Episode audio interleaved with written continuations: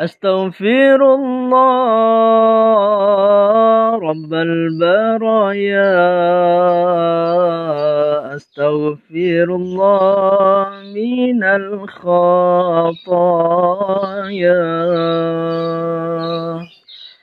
ربي زدني علما نافعا ووفقني عملا مقبولا. يا حنان يا منان يا ديان يا سلطان. يا حنان يا منان يا ديان يا سلطان. لي خمسة أطفي بها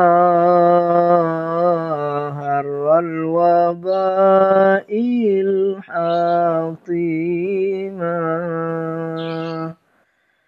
المصطفى والمرتضى وبناهما وفاطمة.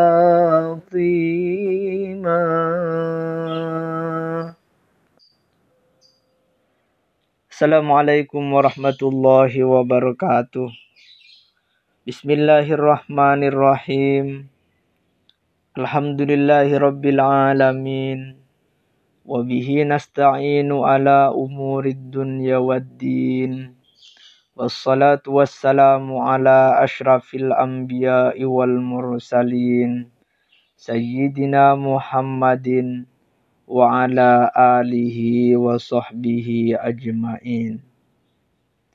Amma ba'du. Anak-anakku semuanya Sebelum kita melanjutkan pelajaran pada hari ini, marilah kita awali dengan pembacaan suratul Fatihah dengan harapan mudah-mudahan kita semua, kedua orang tua kita dan semua keluarga-keluarga kita dilindungi dari virus COVID-19 ini. Ala hadhihi niyah bi barakatil Fatihah. أعوذ بالله من الشيطان الرجيم. بسم الله الرحمن الرحيم. الحمد لله رب العالمين. الرحمن الرحيم. مالك يوم الدين. إياك نعبد وإياك نستعين. اهدنا الصراط المستقيم. صراط الذين أنعمت عليهم غير المغضوب عليهم ولا الضالين.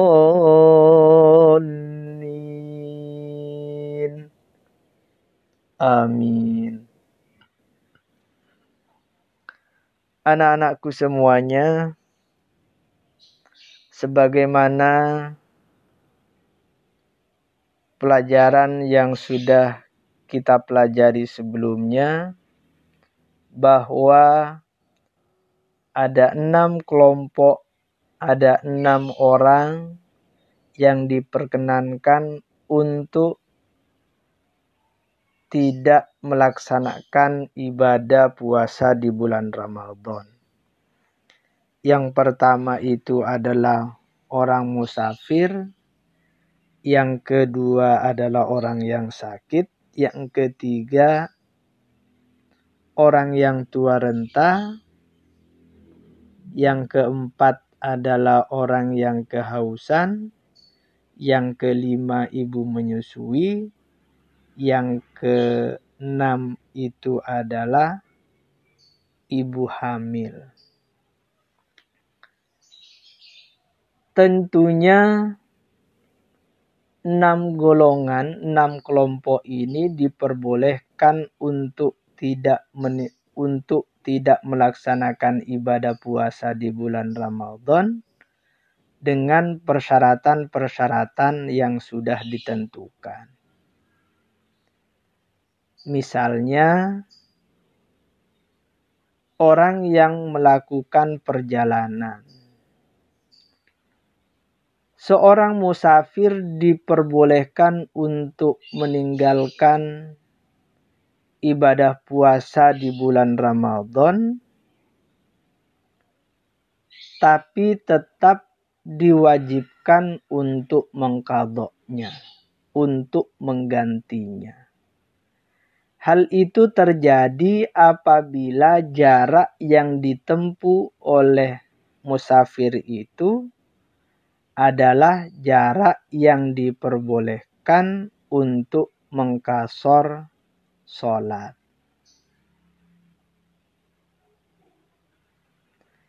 Yang kedua, itu adalah orang yang sakit tidak semuanya orang sakit diperbolehkan atau mendapatkan keringanan untuk tidak melaksanakan ibadah puasa di bulan Ramadan. Tapi orang yang sakit yang diperbolehkan untuk meninggalkan ibadah puasa Ramadan itu adalah orang yang orang sakit yang diperbolehkan melakukan tayamum untuk melaksanakan sholat lima waktu. Atau orang yang sakit itu merasa khawatir apabila dia melaksanakan ibadah puasa di hari itu, sakitnya akan bertambah parah.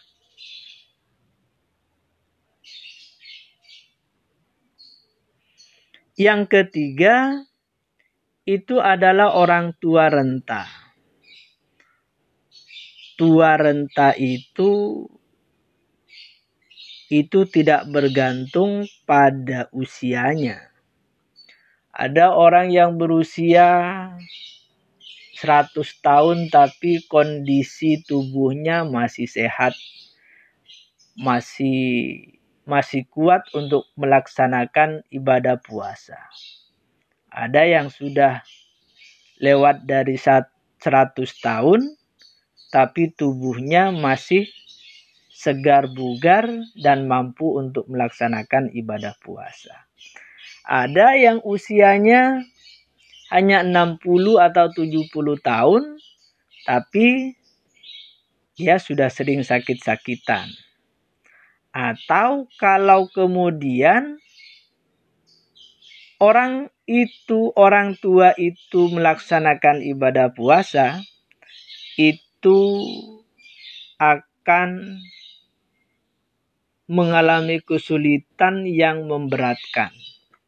Atau kemudian tubuhnya jadi drop misalnya. Maka dia diperbolehkan untuk tidak melaksanakan ibadah puasa. Orang yang sakit dan orang yang tua renta ini apabila ada waktu untuk mengkadoknya artinya ketika bulan Ramadan kondisi fisiknya tidak memungkinkan tapi setelah Ramadan kemudian tubuhnya menjadi segar bugar maka dia wajib untuk mengkadoknya. Tapi kalau kemudian sakit atau tua renta dia meninggalkan ibadah puasa Ramadan dan sakitnya terus berlanjut sampai berujung pada kematian, maka mereka tidak dikenai kewajiban untuk mengganti atau mengkodok puasanya. Begitu juga dengan orang yang tu, orang tua renta. Akan tetapi dia diharuskan untuk membayar fidyah. Membayar fidyah. Fidyahnya itu adalah memberi makan satu hari puasa itu adalah satu mut.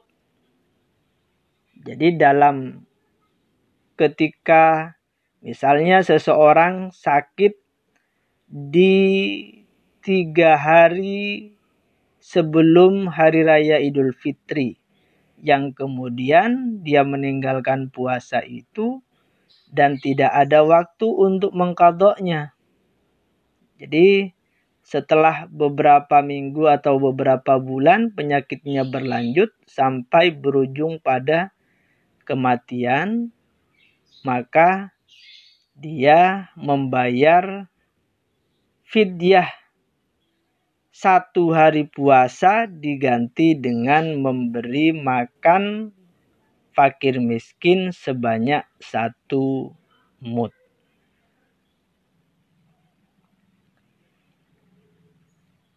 Yang keempat itu adalah orang yang kehausan. Orang yang kehausan itu tidak semuanya orang haus kemudian diperbolehkan untuk meninggalkan puasa Ramadan. Akan tetapi orang kehausan itu adalah orang yang apabila karena kehausannya itu ketika melanjutkan berpuasa dikhawatirkan akan berakibat buruk pada kondisi tubuhnya, kondisi kesehatannya.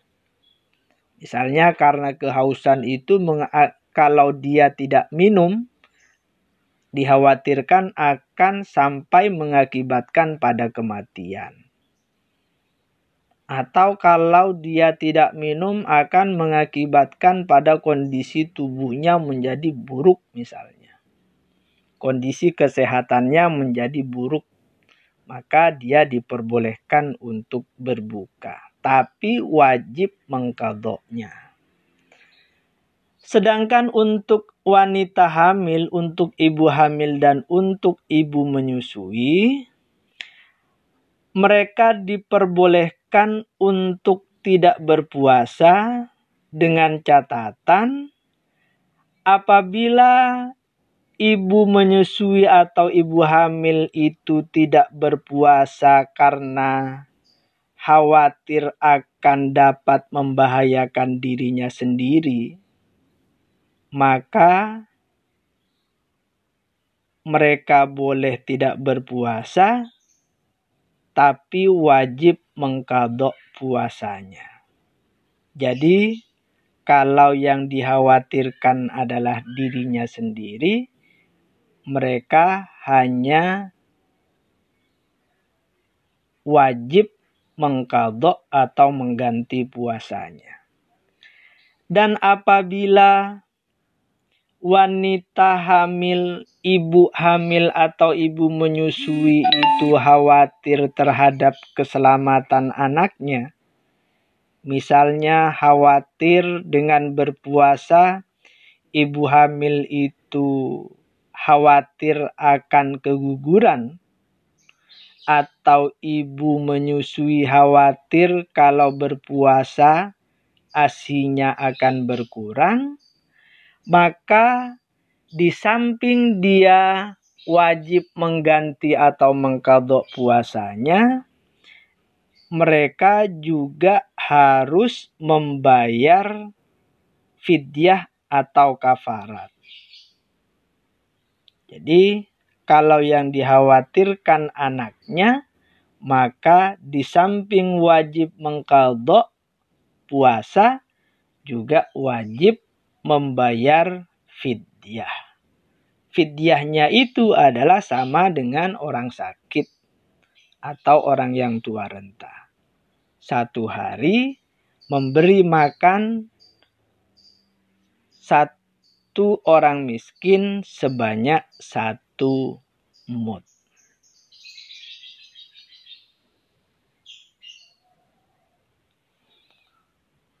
Saya kira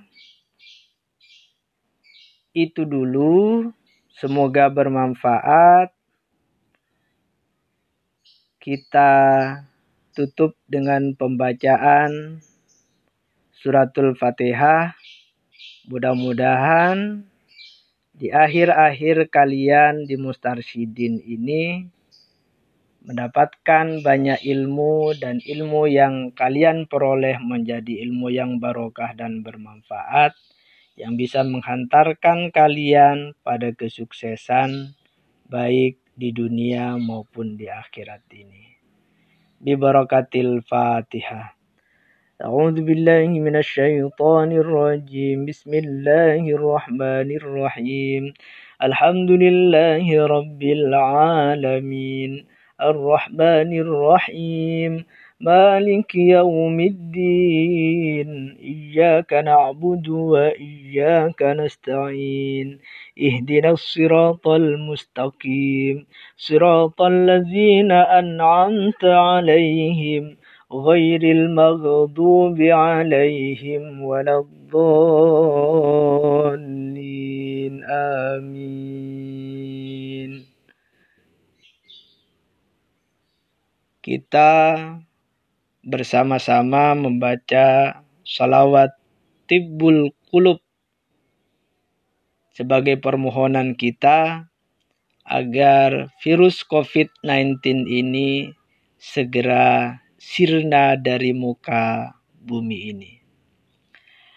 Allahumma salli ala sayyidina محمد طب القلوب ودوائها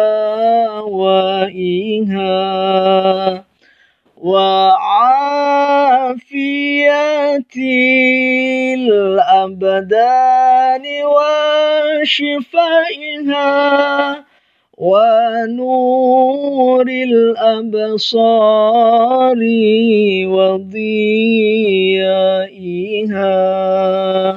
وعلى آله وصحبه وسلم.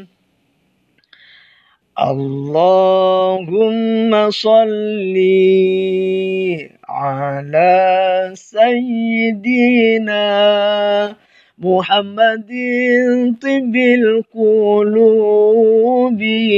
ودوائها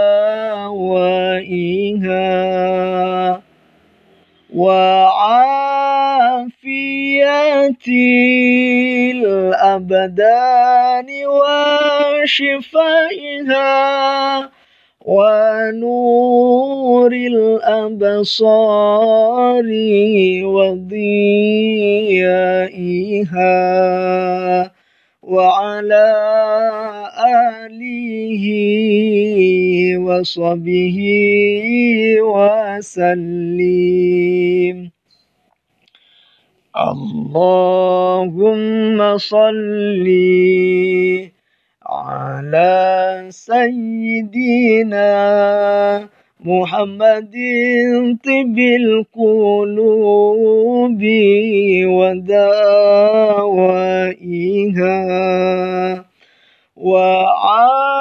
وعافية الأبدان وشفائها ونور الأبصار